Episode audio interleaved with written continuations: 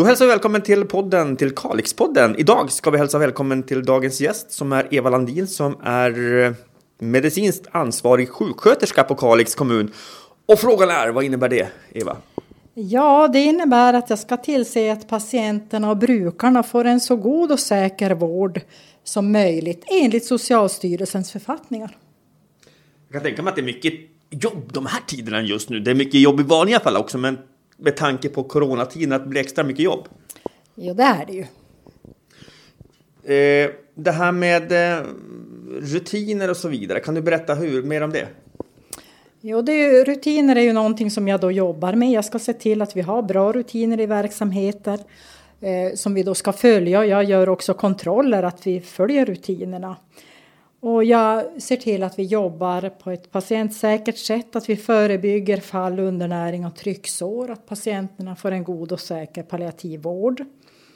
Och mycket annat naturligtvis.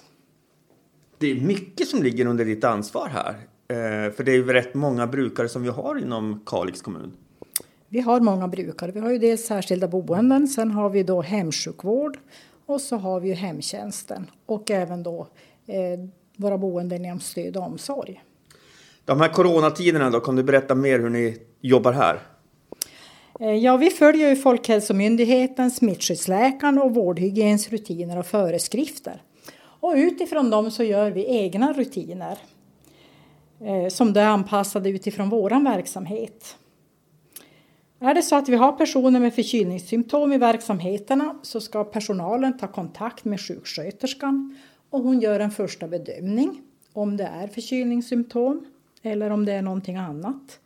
Och hon kontaktar läkaren och det är då läkaren som avgör om vi ska ta prov för covid. Men hur det nu än är, är det så att vi misstänker eller att vi har konstaterade fall så använder vi skyddsutrustning enligt de rutiner då som, som vi har via vårdhygien. Så det här innebär att ni har ett gott samarbete med Region Norrbotten? Det har vi. Vi har ett mycket gott samarbete med region, regionen. Det är ju många som pratar eh, om skyddsutrustning med all rätt de här tiderna. Hur är läget där? Eh, vi har tillgång till skyddsutrustning. Men det är naturligtvis beroende då på hur många patienter brukare som samtidigt har misstänkt och konstaterat smitta. Och det här är ju svårt att göra en beräkning för man vet ju aldrig vad som händer imorgon eller i övermorgon eller nästa vecka.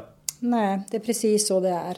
Men vi får ju beställa tre gånger i veckan har vi möjlighet att, att avropa skyddsutrustning. Vad bra Eva Landin, jag vet att du har fullt upp så jag tänkte släppa iväg det här nu, är det okej okay det? Ja, det är det. Tack. Tack så mycket.